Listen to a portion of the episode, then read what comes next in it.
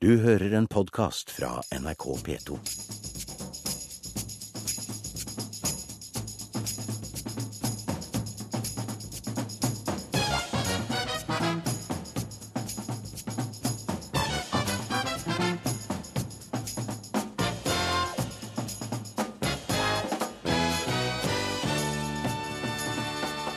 I går kveld tok han sin siste telling, 74 år gammel. Mohammed Ali var den største av dem alle.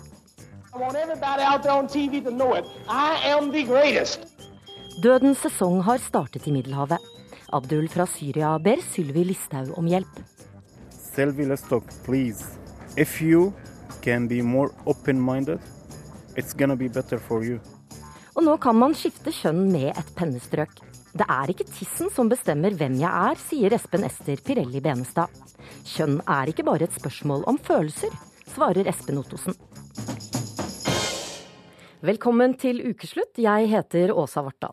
Og er du over 50 og på jobbjakt, så må du følge med. Hit kommer en hodejeger som mener eldre arbeidstakere må jenke på kravene. Men først, han sa til verden at han skulle float like a butterfly, sting like a bee. Flyte som en sommerfugl og stikke som en bie. Og det gjorde ham til tidenes beste bokser. I går kveld døde bokselegenden Mohammed Ali. Og reporter Brage Berglund, du er på Oslo bokseklubb, der unge boksere er i gang med trening. Eh, er Mohammed Ali fortsatt størst også for dem?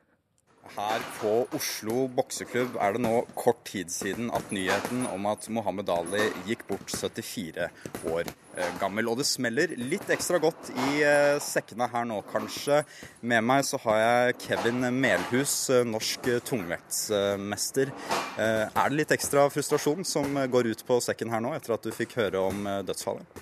Ja, altså Det var en trist nyhet å våkne opp til i dag morges. Jeg hører at en legende, et forbilde og en rebell har gått bort. Hva har det betydd for deg, da, rent personlig? For meg så har det vært en uh, veldig stor inspirasjonskilde. Ikke bare boksingen, men hans uh, personlige liv har vært utrolig interessant. Han har vært uh, gjennom en tøff tid. Han har kjempet mot USAs myndigheter, samtidig som han har blitt olympisk mester og verdensmester i tungvektsboksing. Det er ingen tvil om at Mohammed Ali har hatt en stor betydning, og på døren her i Oslo bokseklubb så henger det også et stort bilde av han. Og en annen som står og slår vilt på boksesekken her nå, det er deg, Patricia Martinsen Altuve. Du er jo bare 17 år. Hva har han betydd for deg som ung og lovende?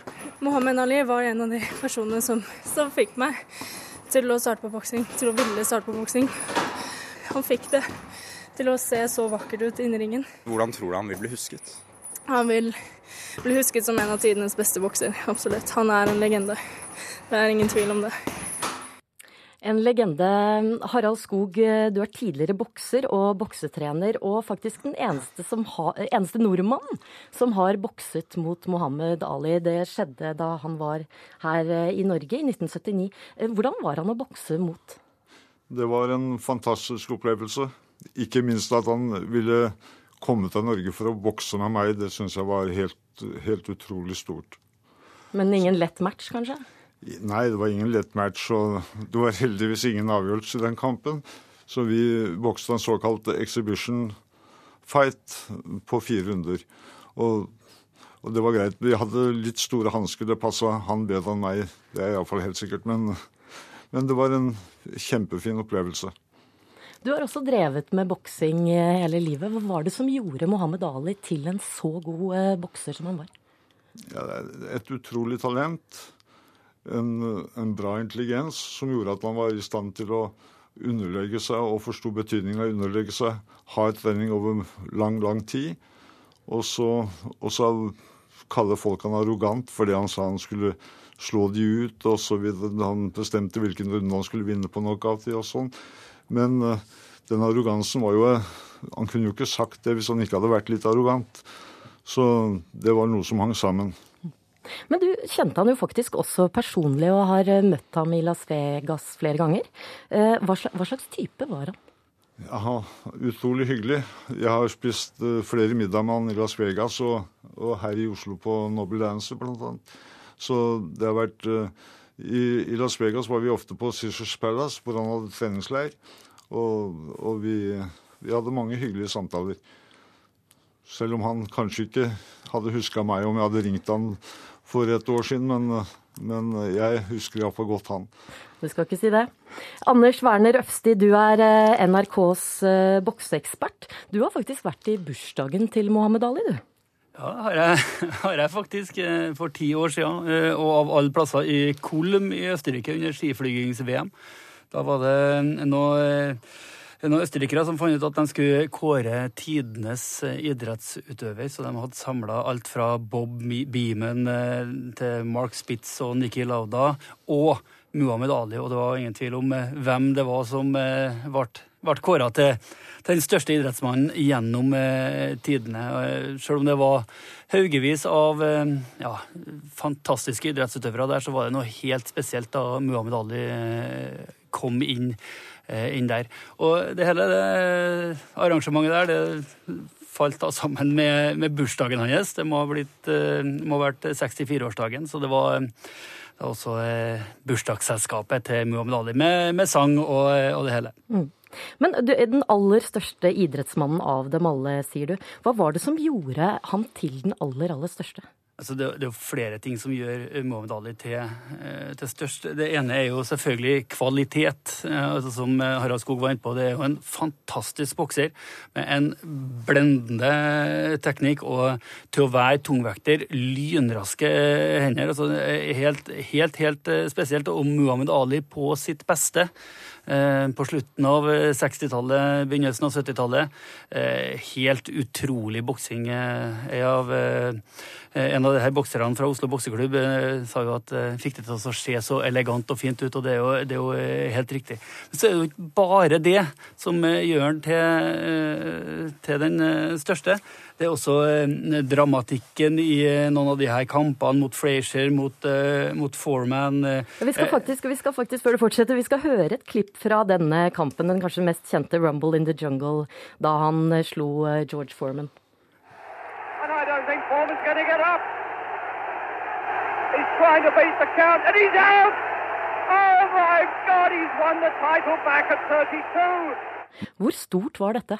Det var jo eh, fantastisk stort. Det her var eh, da han vant tilbake tittelen etter at han da var blitt eh, fratatt eh, tittelen og dømt til, til, fengselsstraff fordi han eh, nekta å være med på eh, Vietnamkrigen. Og det er jo det som er aller størst ved han, er de her prinsippene og alt det han har stått for. Altså, han har eh, slåss mot eh, rasismen, han har eh, slåss mot myndighetene. Han har eh, stått for, eh, for, eh, for, sine ting hele veien, også utom ringen. Og når han nekter å dra til Vietnamkrigen Han er altså verdensmester. Han er det mest kjente mennesket på kloden der og da. Og det å tørre å sette alt det på spill Eh, og stå for, eh, for, sine meninger, det er eh, det som gjør han til den største idrettsmannen gjennom tiden. Vi skal høre et eksempel på nettopp det. Da Cassius Clay, som han da het i 1965, konverterte til islam og byttet navn til Muhammad Ali.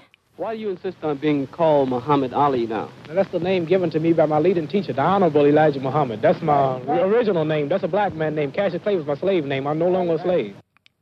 Det var ikke eh, Werner Røsti, det var ikke alle som var like glad i han? Det er klart, eh, det etablerte hvite Amerika var ikke like glad i Muhammed Ali, en som virkelig eh, eh, piller dem på nesen, og som har kraft og karisma og gjennomføringsevne skulle til å stå bak det her òg. Så Altså, eh, Da Ali sa nei til å dra til Vietnam, så var det jo ikke opinionen mot eh, Vietnamkrigen ennå. Ali gikk foran og, eh, og viste vei. Han kommer til å stå som en legende. Harald Skog, kommer du til å savne ham? Ja, det, det, kommer jeg til å gjøre, og det kommer vel alle bokseinteresserte til å gjøre. Ja, De fleste, om bokseinteresserte eller ikke, så ser de jo på Muhammad Ali som et av, de, et av forbildene uansett i hvilken idrett må være tilgjengelig til å heie på. En begravelsesseremoni er altså planlagt i Mohammed Alis hjemby Louisville i Kentucky. Tusen takk til dere, eh, Anders Werner Øfsti og Harald Skog.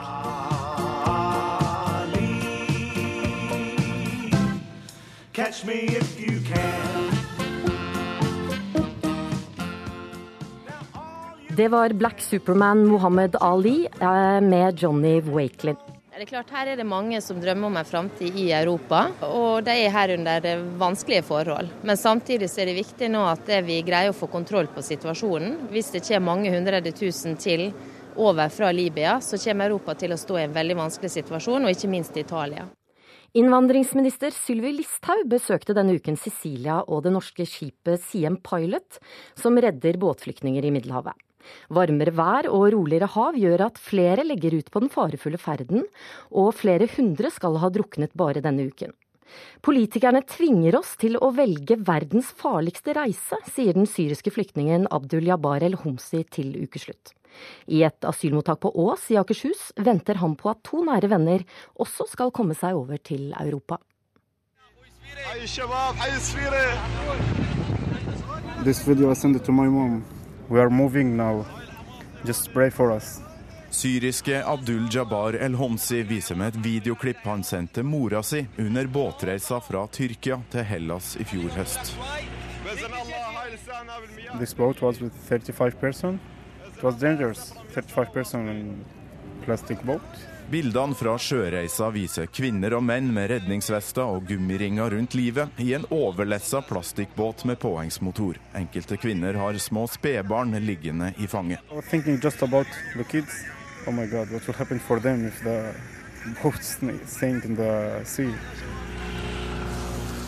Overfarten var ifølge 25 år gamle Abdul svært farlig. Han så flere titalls flyktninger omkomme samme dag i forsøket på å nå Hellas og Europa. I've been saw 20. You saw 20 people Yes. dying? Yes, with two child, but they were more because lots of boat sneak down. Abdul viser meg en video av jubelscenene som oppsto idet båten endelig traff land i Hellas. I feel too much happy. I can't explain exactly what was my feeling, but I was so happy that we reached safe. Det gikk bra for Abdul, som nå bor på asylmottak i Ås kommune. Men denne uka er han bekymra for to venner som også er på flukt, og som må ta en enda farligere rute til Europa. They tried two times from Egypt, but the police they back them to to Egypt when they get the boat. Pga. den kontroversielle avtalen mellom EU og Tyrkia om å sende tilbake flyktninger som har tatt seg til Hellas, har vennene til Abdul reist til Egypt, og turen går mest sannsynlig via Libya. The last chance for them is to move from Egypt to Libya, and then from Libya they will cross to Italy. I'm not sure if next week it will be the last chance for them to cross to Italy. Menneskesmuglingen over Middelhavet øker kraftig igjen. Over 700 migranter og flyktninger fryktes omkommet denne uken. Disse bildene er jo helt for jævlige.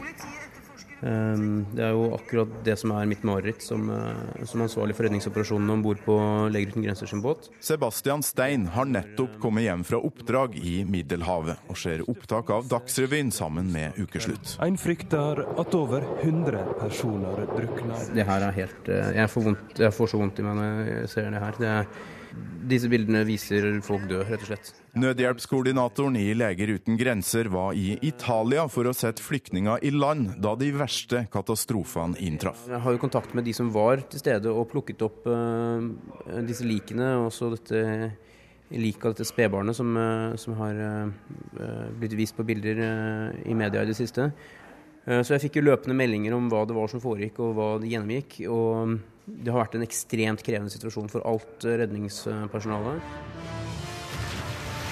Jeg må jo si at det tøffeste farvannet jeg har seila i, med de største bølgehøyden og mest overraskende sjøer, så, så må jeg si det er Middelhavet. I vannkanten på Bygdøy utenfor Oslo møter jeg en som har vært med og smugla en person inn i Europa via Middelhavet. Deilig ved sjøen nå. Litt behageligere enn nede i Middelhavet for mange, tror jeg. Rune Olsgaard, også kalt Superen, er nok mest kjent som maskinist fra TV-programmet Berserk.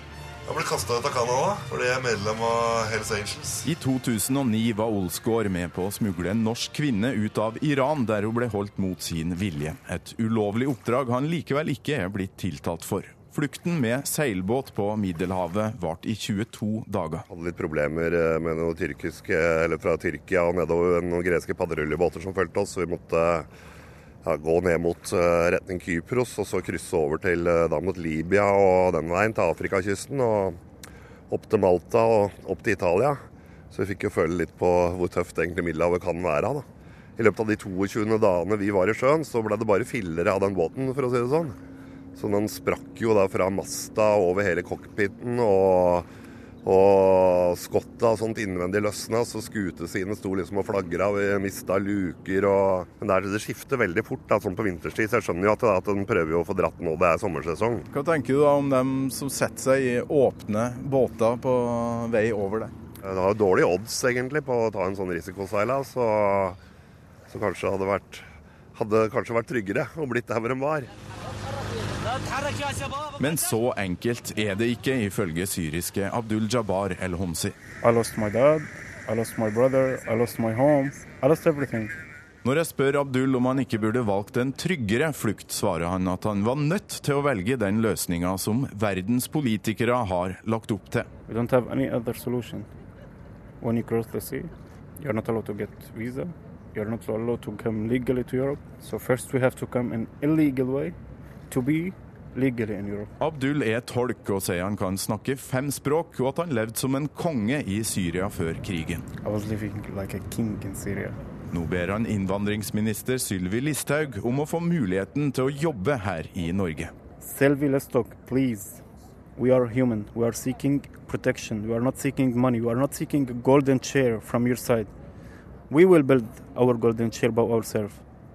If you can be more open minded, it's gonna be better for you. All the people will love you, will like you, will support you. And right now, they're closing the border, and the people in Greece, they are sleeping in the tents. They are human also. They have to understand that. Especially all the immigration ministers and all around Europe. Og reporter her var Torkil Thorsvik. Eh, Vidar Breen Karlsen, du er statssekretær for Sylvi, Sylvi Listhaug. El Homsi etterlyser et åpnere sinn fra innvandringsministeren. Opplevde hun noe på turen til Sicilia som endret hennes syn på hvordan norsk, innvandringspol norsk innvandringspolitikk bør være? Nei, jeg tror uh, Sylvi Listhaug når hun var i Italia, så var hun jo flere plasser enn på Sicilia også, hadde nyttige møter. Jeg tror hun fikk se på nærmere hold at det er en del tragiske skjebner av de som kommer over, over Middelhavet. Det er en veldig farlig ferd, noe vi visste fra før, men, men uh, hun har fått sett det på nært hold. Og i tillegg møtt de eh, tapre mannskapene vi har der nede for å hjelpe folk å overleve, rett og slett. Jeg tror hun er, Sylvi Listhaug er fastere i trua nå enn hun var før hun dro ned på at den politikken politikken hun fører, er riktig. At vi må ha eh, en stram innvandringspolitikk. Ikke send signaler om at det er riktigst å komme hit, og at vi har kontroll på grensa, men samtidig hjelper de her eh, flyktningene nærmere. Sånn at vi ikke eh, bidrar til å gi dem insentiver til å legge ut på sånne farlige reiser. At de bruker opp alle pengene de har på å komme seg hit, for så i mange tilfeller å bli sendt rett tilbake igjen. Eh, Jon Peder Egenes, du er generalsekretær i Amnesty. Er det ikke riktig av norske myndigheter å sende et signal om at det ikke er vits å ta sjansen på å komme hit? At man, at man risikerer livet for et liv man sannsynligvis ikke får? Nei, det er ikke riktig. Fordi at det vi ser er jo at mennesker reiser uansett. Eh, vi hører jo flyktningen her El Homsi som forteller hvor desperat han var, og at han derfor tok denne turen uansett. Eh, de signalene ser ikke ut til å fungere. Og det er enda tydeligere nå, syns jeg, enn det var for litt siden. fordi at da man gjorde det mye vanskeligere å ta den noe mindre farlige ruten fra Tyrkia til Hellas. Hva skjer da? Jo, da eksploderer rutene fra Libya til Italia, som er mye, mye farligere. Sånn at de signalene når ikke fram. Det eneste vi gjør, det er at vi faktisk spiller ballen i enda større grad over i hendene på menneskesmuglerne, som nå kan ta enda mer fordi det er enda vanskeligere å få folk inn i Europa. Spiller ballen inn i hendene på menneskesmuglerne, Brenn Karlsen? Eh, det kan godt hende isolert sett at det er riktig i dette tilfellet, men, men, jeg tenker at eh, når man da først har fått eh, lyktes i å, å, å lukke ei sånn her rute, så må man prøve det andre plasser også. Det er klart Libya Men vil ikke bare oppstå andre fra andre steder? Jo, men, og da må vi bare gå deretter også, ikke sant? Men, når stanser man da? Ja, når, når, vi har fått kontroll på grensa inn til Europa over hele, hele linja. Og jeg tror at der ligger en del av nøkkelen. EU og Europa må klare å samle seg om løsninger der de får til å stenge de her rutene sånn at vi punkterer markedet for de her menneskesmuglerne. At ikke de kan utnytte folk i en, i en sårbar eh, situasjon. Har, man har greid det. Selv, man kan mene hva man vil, og vi, det er for tidlig å si hvordan eh, avtalen mellom Tyrkia og, og EU vil, vil eh, fungere. Men, men, tanken er i hvert fall rett. At man klarer å, å få til effektive eh, mekanismer for å, for å stoppe denne eh, ulovlige eh, overfarten, og så heller hjelpe til der de som er på flukt, er er sikker. Og så må man også huske på at det altså ting er de som flykter og, og fra Syria f.eks., der, der de har behov for beskyttelse. Men når man ser åpninger sånn som det her, så er det veldig mange andre som reiser. De, mange av de vil ikke få opphold, og særlig ikke i Norge. Og da blir de sendt tilbake. Og det, det er ikke rett som e- Egnes sier, at, at de her signalene ikke, ikke kommer frem. Eh, Sylvi Listhaug fikk flere tilbakemeldinger på at det er godt opplyst nå at innstrammingene i Norge er kjent lenger ut i verden. Ja, men Egenes, det stemmer jo. Altså, Hittil hit denne måneden så har det kommet ca. 200 asylsøkere til Norge. På samme måned i fjor så var det 1200. Det ser jo ut som regjeringspolitikk Jo, hvis vi aksepterer det faktum at så sant de ikke kommer til Norge, så er alt i den skjønneste orden, så fungerer dette som signaler. Men når desperate mennesker flykter fra krig, flykter fordi de ellers frykter for å bli drept, skal vi da være fornøyd med at de stopper stopper i Hellas eller Italia, eller enda verre, i Tyrkia og Libya, er vi fornøyd med at i en situasjon hvor fire millioner mennesker og mer enn det har måttet flykte fra en krig, så sier vi bare ja, men så sant de ikke kommer til Norge, så er alt i orden. At de eh, kan brukes som slaver i Libya, som vi vet er, eh, er ganske utbredt. At de kanskje blir etter hvert sittende i fangeleire i Libya. At de lever som tiggere eh, og knapt får et utkomme i Tyrkia. Er det i orden for oss? Altså, det, er jo det spørsmålet vi må stille oss som en rik nasjon med en humanitær tradisjon, som, som mange ser på som en, et land som der de kan få en ny start. Brein Karlsen, er det ikke riktig? Lukker vi ikke bare øynene for problemet? Det er ikke riktig. Det, det, er ikke, det er ikke ikke greit at folk blir brukt som slaver eller blir sett i fangehold eller noe sånt. Men, men, men løsninga på, på, det er ikke at alle sammen som er på flukt i verden, skal komme til Norge. Da vil den folkelige støtten til, i Norge fort komme til å, å ebbe ut. Vi, vi, kommer ikke til å få aksept for å, å, ta imot så mange som det realiteten bak det Egnes nå sier, eh, kommer til å bli. Og, og bærekraften i hele det norske samfunnet kommer til å gå ut. Men, men Tyrkia er jo et godt eksempel. Vi skal jo Altså, Nå har vi fått stoppa de farlige overfartene fra Tyrkia til Europa. Og så har vi en avtale hvor noen av de her skal, eh, som, er, som Egnes har eh, nevnt nettopp, de får jo komme til Europa. Noen av de skal, skal eh, gjenbosettes her, noen skal, skal kommer hit i en sånn relokaliseringsmekanisme. Altså vi, det, det, er jo akkurat de, de type ordninger vi har gjort nå for å så godt som mulig punktere menneskesmuglerne sin, sin, inntekt her, og samtidig hjelpe de som faktisk skal hjelpes. Og så er det noen av de, noen som utnytter at det er en sånn her type eh, massefluktsituasjon, som ikke har krav på beskyttelse. De er også en del av det her, og som er med å undergrave det asylinstituttet, og det må vi eh, få slutt på. Er ikke det sant, Egenes, at det er en del som ikke har, eh, har rett til beskyttelse? Jo, selvfølgelig er det det. Det vil alltid komme personer som ikke har rett til beskyttelse. Det første jeg vil si om det, er at vi, vi må være klar over at de, at de, mange av dem flykter fra noe, de også, selv om de ikke har rett til beskyttelse. Så la oss ikke eh, snakke nedsettende om dem, selv om vi kan være nødt til å sende dem ut.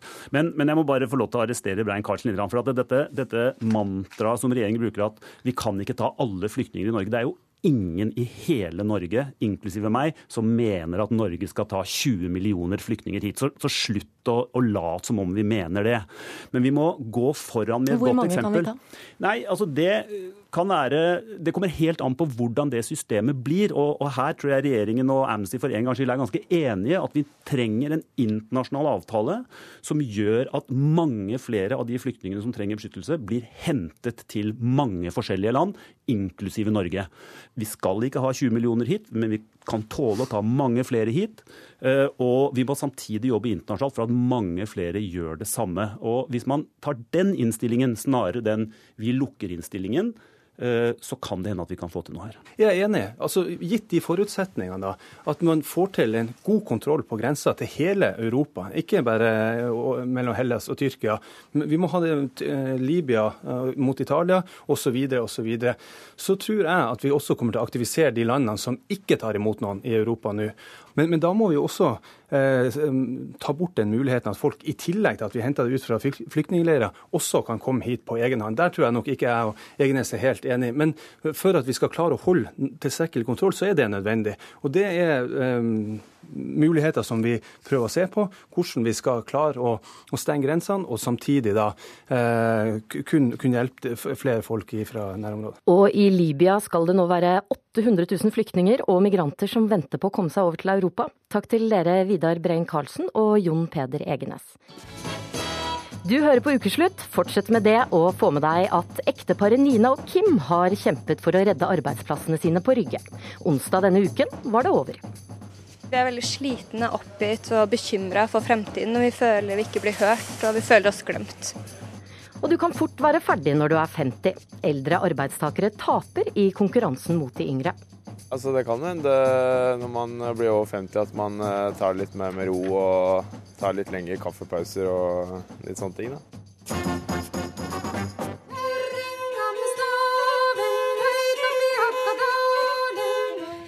Jeg er jente og du er gutt, jeg har trakt og du har tut, president. Sånn kan man oppsummere kjønn, men kjønn er jo så mye mer enn det. Det sa SVs Kirsti Bergstø fra talerstolen da Stortinget denne uken lovfestet retten til å skifte kjønn.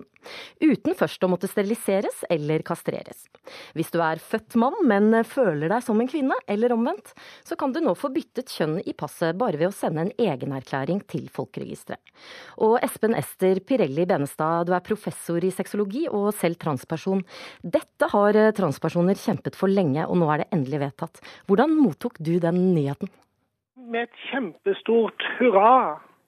Og med en, et budskap tilbake til Stortinget som kan gå omtrent sånn at nå har dere gjort noe veldig godt for en av de små gruppene i Norge. Men hvilken praktisk betydning vil dette ha for en transperson å ha et annet juridisk kjønn, at det står K for, i stedet for M f.eks. i passet ditt?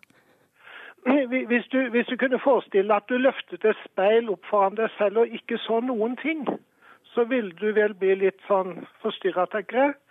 Det har jo vært sånn for noen av oss at det speilet som, som personnummer og kjønn i pass og sånn har representert, det har vi ikke kunnet kjenne oss igjen i.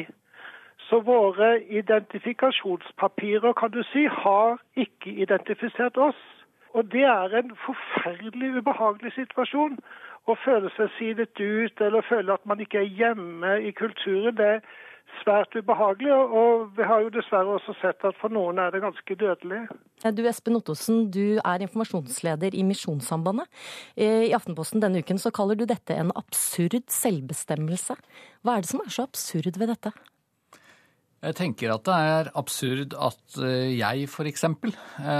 bare kan fylle ut et skjema, og så blir jeg juridisk kvinne. At det ikke fins noen hva skal vi si, sikkerhetsnett som fanger opp at det er urimelig. Jeg tenker at det er fint at man ivaretar den lille gruppen som Benestad snakker om her. Og jeg har ikke tatt til orde for at vi skal ta lett på deres opplevelse av at det er en kollisjon mellom det de føler og det de fysisk er. Men kjønn er sikkert noe mer enn bare noe biologisk og fysisk, for all del. Men det er jo også det. Og jeg mener, I mitt pass så står det at jeg er 1,90 høy, 1,91 høy. Det står at jeg har blå øyne. Og jeg kan jo selvfølgelig ikke sende beskjed til myndighetene om at jeg ikke føler meg så høy for tiden. Så hvis de kunne skrive det litt ned, så hadde det vært fint. Og det er det jeg er litt redd for da, med denne løsningen vi nå får. At man gjør kjønn bare til følelse, og at man prøver å late som om biologi og kjønnsorganer og fysiske ting ikke betyr noe. Benstad, er det for enkelt å gjøre dette bare til et spørsmål om følelser? Du vet, Det som er interessant, Og det hadde vært veldig morsomt hvis vi kunne snakka litt om dette, Ottesen. For det at eh, jeg har veldig veldig stor sans for skaperverket og har stelt meg det i 40 år. Iallfall den delen av det som heter menneske. Og, og det vi stadig får større kunnskap om, det er at det er faktisk samsvar mellom biologi og opplevelse av kjønnsidentitet. Samsvar mellom fysikk og kjønnsidentitet. Men vi kan ikke bare spørre tissen, for den kan jo ikke snakke. Men når vi ser på hjerner, når vi ser på hjerneforskning, det finnes flere områder i sentralnervesystemet som, som, som ganske tydelig kan assosieres til kjønn. Og Det vi ser da hos de transbegavede, det er at der er ikke hjernene sånn som de er hos andre. slik at, at det blir på en måte så feil å snakke om biologisk kjønn og late som det sitter mellom beina, for det sitter sannelig også mellom ørene. Men er det ikke litt for lettvint, Benestad? Man, hadde det vært så galt da om man tok med seg en legeerklæring sammen med dette brevet til Folkeregisteret? Du vet, Det som er på en måte vi har fulgt vi har, Det har kommet barn til verden, og det finnes tre typer barn som kommer til verden. Det er de med utovertiss, de med innovertiss, og så er det de som vi kaller kommer til verden med uklare kjønnsorgan. Som, som om det skulle være en tåkedott over skrittet. Det er objektivt, det kan man jo se.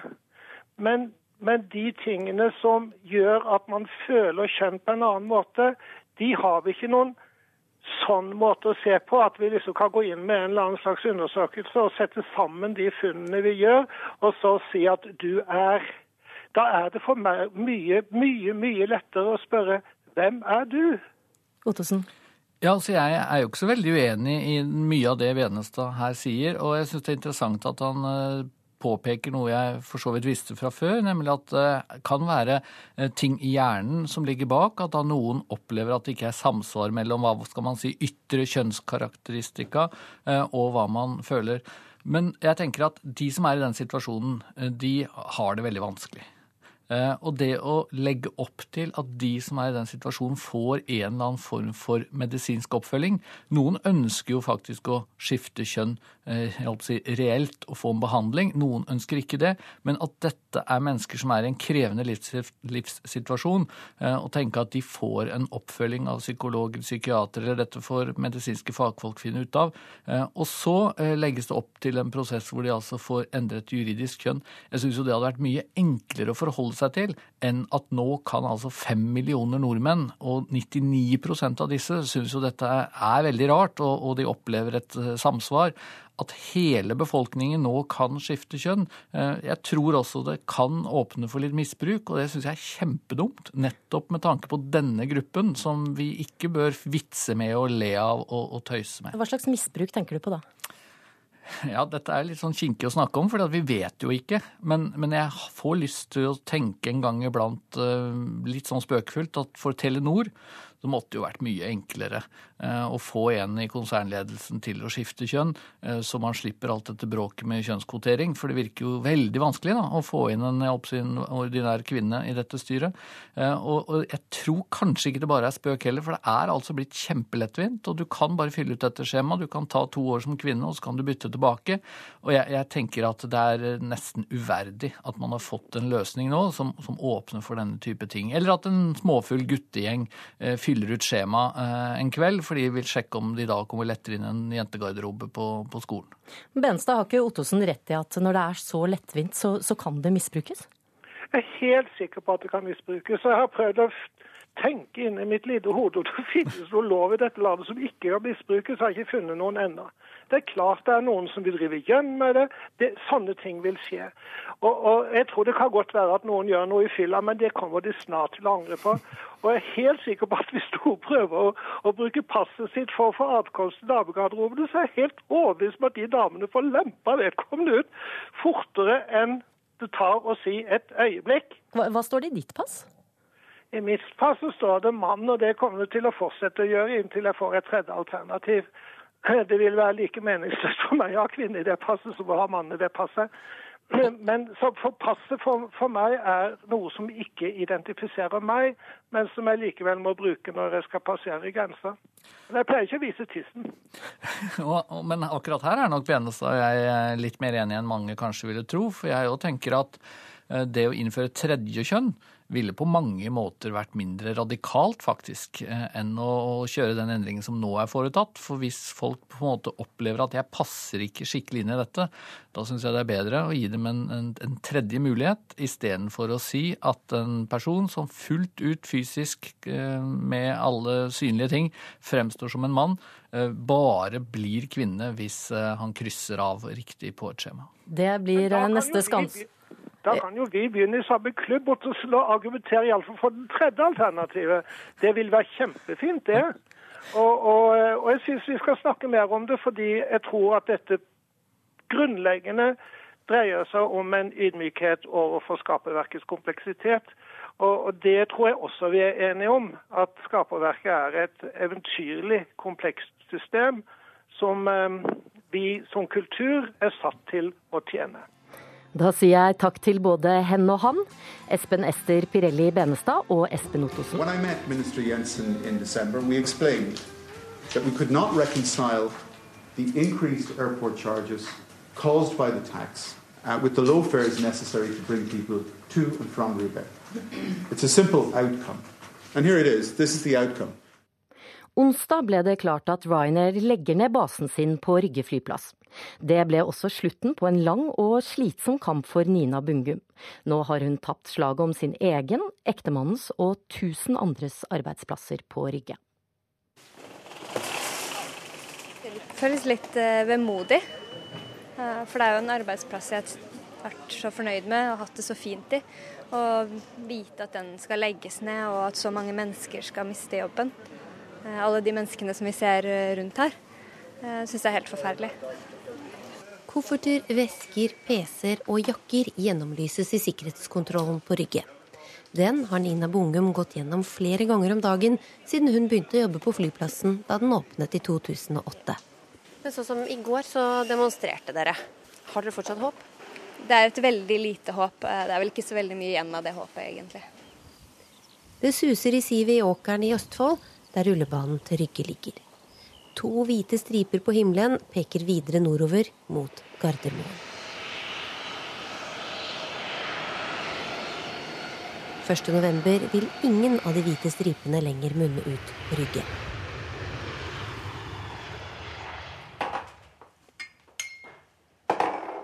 Hjemme på Larkollen har mannen til Nina, Kim Sivertsen, kaffen klar. Han er i pappaperm, men nå venter en høst som blir ganske annerledes enn planlagt. Ja, det blir jo ut og så lete etter nye jobber og sånn. Jeg har jobba de siste sju åra på Rygge. Når man jobber på flyplass, liksom, så er det ikke noe, noe flyplassutdannelse. Man får opplæring og utdanning etter hvert som man har jobba her. Så får man mer og mer kompetanse. Men den kompetansen er ikke akkurat eh, lett å videreføre ut i arbeidslivet ellers, da. Så det føles jo litt som man står litt på bar bakke. Jeg hadde gleda meg til å starte å studere til høsten, men det får i hvert fall utsatt et år. De siste dagene så har ikke jeg greid å sette på TV, på nyhetene. Jeg kan ikke gå inn på nettavisen og lese. For det blir for mye, for du er rundt det hele tiden. Og på jobb, hvis man møter på passasjerer, så vil gjerne kanskje de diskutere det. Og du mener det helt sikkert godt å støtte det, men du møter det overalt hele tiden. Da. Da er det godt med en hjelpende hånd. Her er litt kaffe til deg. Yes, tusen Skal jeg sette den her, eller? Vi har jo liksom planlagt en stund å ordne verandaen. Men så har vi ikke turt å gjort noe pga. arbeidssituasjonen. Blir, alt blir satt på vent, ikke sant. Så nå var hun veldig heldig og ga oss eh, materialer, og pappa hjelper til. Så får vi ordna det, for det er noe vi har egentlig planlagt lenge da, og gjort i år.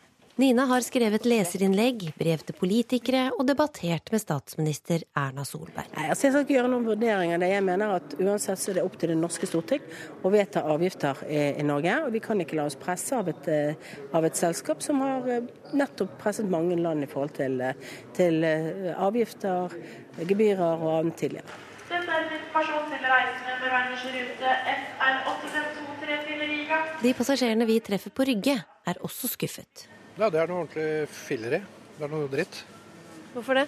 Det er koselig flyplass. eh, Behagelig i forhold til Gardermoen. Nei, Jeg syns det bare er helt høl i huet. Og regjeringa har dumma seg loddrett ut. Ja, Det er jo meget beklagelig. Erna har satt seg selv inn i et hjørne som det er vanskelig å komme ut av. Har vært lite taktisk. Det syns vi ikke noe om. Nei, det håper det ordner seg. Ja, tror du det virker jo ikke som det kommer til å ordne seg nå? Nei, det vil bare kaste ut Ryanair, og så ordner det seg med noe annet etterpå, tenker jeg. Men Erna Solberg at hun, sier at hun vil ikke gi etter for kravene til Ryanair. At det ikke er Ryanair som skal bestemme politikken eh, her i landet. Er ikke det litt bra da også, at hun står opp mot eh, store kommersielle krefter? Jeg syns det er veldig feil at hun fremstiller det her bare som noe med Ryanair, og blander på en måte to kort i den saken her. De har sagt at det her er konsekvensen. Eh, og det blir feil å gå ut mot et enkeltselskap som opererer lovlig i Norge. Og I tillegg så syns jeg det har vært veldig mye synsing blant politikerne. De tror det, de tror det, de tror det. Og så tenker jeg, skal de basere avgjørelsen som berører så mange mennesker ut på hva de tror, og ikke hva som er fakta? For fakta er det de sa, vi trekker oss ut fra Rygge hvis det her skjer. Det er litt rart. Vi skal, vi skal jobbe der eh, et halvt år til, nesten. Så det er jo på én måte lenge til. Men på den andre måten så har de jo allerede mista jobben. ja, hvordan er det? Å liksom skulle fortsette et, et, halvt år til på noe du vet tar slutt? Ja, det er jo veldig rart. Spent på hvordan stemninga kommer til å bli utover høsten. Så det blir, blir sikkert utfordrende. Og reporter her, det var Linn Beate Gabrielsen. Hvordan vil du beskrive folk på over 50? Gamle. Ja, jeg ville kanskje sagt uh, spreke. Folk som er litt, uh, litt satt. Satt i uh, rollene og mønstrene sine. Og at de er veldig ivrige på Facebook, mange av de. Det er jo i den alderen der det begynner å bli interessant med fine biler og andre aktiviteter og golf og litt sånn. Nei, altså Det kan hende når man blir over 50 at man tar det litt mer med ro og tar litt lengre kaffepauser og litt sånne ting. da. Hvordan stiller en 50-åring i konkurranse med alle andre arbeidssøkere hvis de skal få seg en ny jobb? Ja, Det virker jo som arbeidsgivere kanskje vil ha unge folk, men med like mye erfaring som en 50-åring. Det er jo ganske eh, umulig. Så det er frustrerende både for oss som er unge og for de som er 50 sikkert. da. Kan man rett og slett være ferdig når man har rundet 50 og egentlig ikke føler seg gammel i det hele tatt? Ifølge en ny rapport fra Senter for seniorforskning så skvises seniorer ut av arbeidslivet. Ledigheten i denne gruppen har faktisk gått opp med 20% bare det siste året. Og Birgit Danberg, du er 52 år gammel og utdannet fotograf. Og for to år siden så tok du sluttpakke i Fagbladet Journalisten. Det skulle du kanskje ikke gjort, eller? Nei, Det kan du godt si nå. Jeg var eh, redd for å slutte allerede den gangen. Jeg eh, syns det var veldig skummelt, fordi i mediebransjen så er, måte, så er, man gammel når man er 40, og det var jeg jo langt uh, over. Men samtidig så valgte jeg å se på det som en mulighet, for jeg tenkte 50 altså, Men jeg har jo 15-20 år igjen i arbeidslivet. Og sluttpakken var et godt tilbud. Istedenfor å bli sagt opp eh, etter hvert, holdt jeg på å si, så tenkte jeg at det kan være en mulighet til å begynne på, på noe nytt. ikke sant? Finne noe man har lyst på, gå tilbake til andre ting man er lidenskapelig opptatt av. Og, for man har jo fremdeles ganske mye å, å bidra med, så Men nå har det gått to år, og du, du har fortsatt ikke noe jobb. Nei, det har jeg ikke. Hvorfor ikke? Ja, det er jeg litt i sjokk over selv, egentlig. Jeg hadde jo eh, virkelig ikke trodd at det skulle komme så langt at jeg gikk ut i, i arbeidsledighet. Altså utover den uh, sluttpakkeperioden og de, den, uh, de, de, pengene jeg fikk eh, den tiden. Men hvilke tilbakemeldinger er det du får? Hvorfor er det, hvorfor er det ingen som vil ha deg? Nei, altså For det første så får jeg jo nesten ikke tilbakemeldinger i det hele tatt. Altså Enten så får man ikke svar på søknadene, eller så får man avslag uh, uten uh, begrunnelse. Og de gangene jeg har vært på intervju, og det er sjeldent, for det nåløyet er allerede veldig, veldig trangt å komme så langt. Det er elektroniske søknadsskjemaer hvor man ikke får uh, fylt inn det man har av erfaring som går utenom tidsfesta utdannelse og arbeidserfaring. Så uh, når man kommer så langt som et intervju, og så ikke får jobben, så er det rett og slett for det er jo mange søkere. Men tror du det har noe med alder å gjøre? Jeg mistenker det. Jeg tenker at når de har disse eh, skjemaene, og det er eh, ja, det meste jeg har vært borti, er 344 søkere på én og samme stilling, så de har den bunken med søknader liggende. Så kan jeg jo tenke meg eh, at, at et fødselstall eh, på, som er 1964, at man ryker ut ganske fort da. Mm. Det er min mistanke. Per André Marum, du er hodejeger i Panamera IMD. Eh, og selv 55 år sier arbeidsgiverne at de helst ikke vil ha folk over 50? Nei, de gjør ikke det. Og det ville jo vært aldersdiskriminering som faktisk er forbudt. Men det kan ligge andre ting. Eh, man vil ha folk med energi, man vil ha folk som er endringsvillige. Men er ikke 50-åringer det? Eh, det kan det jo være. Men eh, vi må jo bare se litt på oss selv, mange av oss, at en del av oss har ikke nødvendigvis en del av de egenskapene. Men vi må ikke lulle oss selv inn i en sånn tro at fordi at vi er gamle, eller i hvert fall noen av disse unge som var i anketten syntes vi var gamle, ikke kan få jobb. Eh, men vi må vise at vi er endringsvillige. Og, ja, hva, og, mener, hva, mener, du med endringsvillig? Hvilke, ja, råd, hvilke råd har du til Birgit? Ja, Hun har så vidt jeg skjønner, bl.a. Eh, jobbet som støttekontakt. Hun eh, har fått seg en deltidsjobb i, i barnehage innimellom. Det syns jeg er fantastisk bra. For det viser meg som rekrutterer at hun er endringsvillig. Hun har ikke så mye prestisje. Hun er villig til å stå på. Hun er villig til å gå ned i lønn, sikkert, i forhold til det du, du hadde før. Um, og det gir meg trygghet når jeg eventuelt møter henne senere i prosessen. De som setter seg hjemme og sender inn ti søknader og blir veldig frustrert for at de ikke kommer på intervju, og så blir de sittende der, de kommer til å bli sittende der. Men er du villig til å gå ned i lønn og ta en jobb med lavere prestisje? Ja, absolutt. Jeg er det. Jeg er der nå at jeg ser det er så vanskelig. Jeg, men, men det, det, jeg kan bare snakke for meg selv. I mitt tilfelle så hadde det vært greit. Jeg lever eh, et godt liv i all beskjedenhet. Det har jeg alltid gjort. Jeg tror det er eh, Jeg tror samtidig at det kan være litt farlig å fire på kravene altfor mye. Ikke sant? At trenden dit hen at eh, over 50, da er du gammel, da blir du ikke ansatt. Jeg eh, har lyst til å få respekt for at jeg har lyst til å opprettholde min livskvalitet også, og det innebærer eh, lønn, ikke sant. Det innebærer å bo ordentlig, ikke sant. Og det innebærer også å kunne være med venner som er i jobb, ikke sant? på teater, på kino, gå ut og spise. Mm. Dette her som jeg kjenner på nå, ikke sant? at dagpengesatsen er så lav at jeg må takke nei til sånne ting. Da føler jeg meg helt tilbakesatt til eh, studenttilværelsen. Bare ta hva som helst, og så skal man være fornøyd med det. Litt farlig det også. Men er det ikke, er det ikke akkurat eh, nettopp når du har jobbet, i, og jobbet og slitt i mange år, at du på en måte skal høste godene av den jobben du har gjort i alle år? Ja, Hvis det betyr at eh, det er noen, en ny arbeidsgiver som skal eh, på en måte betale en sånn halv tidligpensjon for at du skal eh, sudde rundt på jobben, så er jo svaret nei på det. Kanskje du syns du fortjener det selv, men din nye arbeidsgiver er ikke interessert i det. Men Så det betyr rett og slett at du må jenke på kravene? Du må, du må godta, ja, godta dårligere, dårligere betingelser? Eller så må du vise at du er verdt den lønna du mener du skal ha. Men noen ganger er det veldig vanskelig å komme inn på det nivået. Da mener jeg at det er bedre å gå inn på et annet nivå. Eh, kanskje til og med sette seg i resepsjonen i selskap. Vise at du er et energisk, hyggelig menneske. Og så sier de ja, men du kan jo være prosjektleder her, eller kan ikke du begynne med salg, du har så godt eh, tekke på kundene våre. Men jeg møter jo altfor mange mennesker over 50 som er litt der som jeg fortjener det bedre, og nå har jeg kjøpt meg en liten leilighet i Marbella, og dessuten så har vi arvet en hytte på fjellet. Eh, så det blir noen ovale weekender der og litt sånt nå.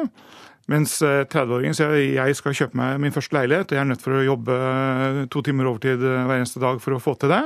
Jeg har lyst til å lære mer, jeg er sulten. Det er litt forskjell i energien. Og Derfor kan vi ikke forvente at arbeidsgiveren skal ta ansvaret. Du fikk noen råd her. Hvordan tenker du videre? Kommer til å fortsette å søke jobber? Ja, jeg satser jo fullt og helt på det. ikke sant? At jeg må holde på jeg må ha trua på meg selv.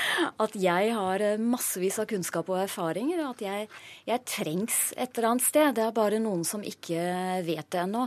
Problemet er å nå fram.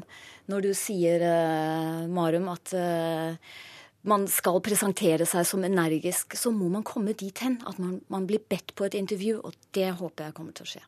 Lykke til med jobbsøkingen. Tusen takk til dere, Per André Marum og Birgit eh, Dannenberg. Og nå har du, Jon Smits, kommet i studio. Vi er, eh, vi er, heldige her i sør akkurat nå, ikke fullt så heldige i nord. Hvordan blir været fremover? Det er veldig store kontraster. Der vi kan begynne å se litt på temperaturvariasjonen, rett og slett. Vi kan begynne i Tromsø, som eh, klokken tolv hadde fire grader bare. Og der var det regnbyger og nesten sludd, og snø i høyden, faktisk.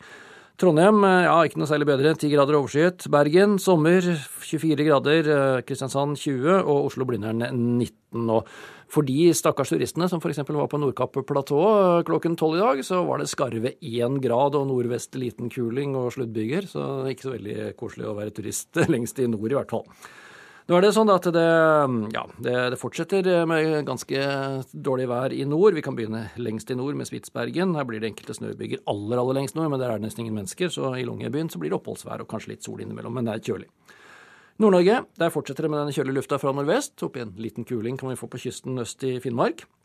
Det blir bygevær i dag også, med snø i fjellet ned til en 200-400 meter i Finnmark. Altså. Og faktisk, og litt lavere, litt høyere, unnskyld, lengre sør. Eh, men morgendagen da blir det bedre i Nordland, men skyet på de ytre områdene fortsatt. Litt sol i indre strøk. Og så avtar byggevirksomheten også i Troms og Finnmark utover morgendagen, så det går i riktig retning, da. Så har vi Trøndelag og Møre og Romsdal, som ligger i sånn overgangssone. Nord i Trøndelag kan det faktisk gå litt spredt regn, og ellers er det skyet i Trøndelag. Det er litt skyer også i nord i Møre og Romsdal og på kysten her. Fint i de indre områdene. Og litt sånn fortsetter egentlig til i morgen, men det blir litt lettere skydekke i Trøndelag, og antageligvis helt oppholdsvær der i morgen, men ikke så veldig mye stigende temperatur. Eh, men lenger sør, sør for Stad og sør for Dovre, så er stort sett det fine været. Her er det gode temperaturer på Vestlandet, oppe i ja, 26 grader i Evanger og på Vossevangen nå klokken eh, tolv i dag, og det kommer til å stige enda litt. Grann. Men det kan danne seg lokale byger i dag i indre deler av Rogaland, kanskje også i indre deler av Agder, men ellers mye fint vær. Og i morgen så kan disse bygene oppstå også i indre strøk litt lenger østover mot eh, Østlandet. Men stort sett ganske greit og fint og, og stedvis varmt, får vi si, vær her lengst i sør. Og de høyeste temperaturene får vi nok både i dag og i morgen, antageligvis i deler av Hordaland, Agder og Rogaland. Det var ukeslutt for denne gang. Ansvarlig for sendingen Lisa Stokke. Teknisk ansvarlig Hanne Lunås. Og i studio Åsa Vartdal. Ha en herlig helg.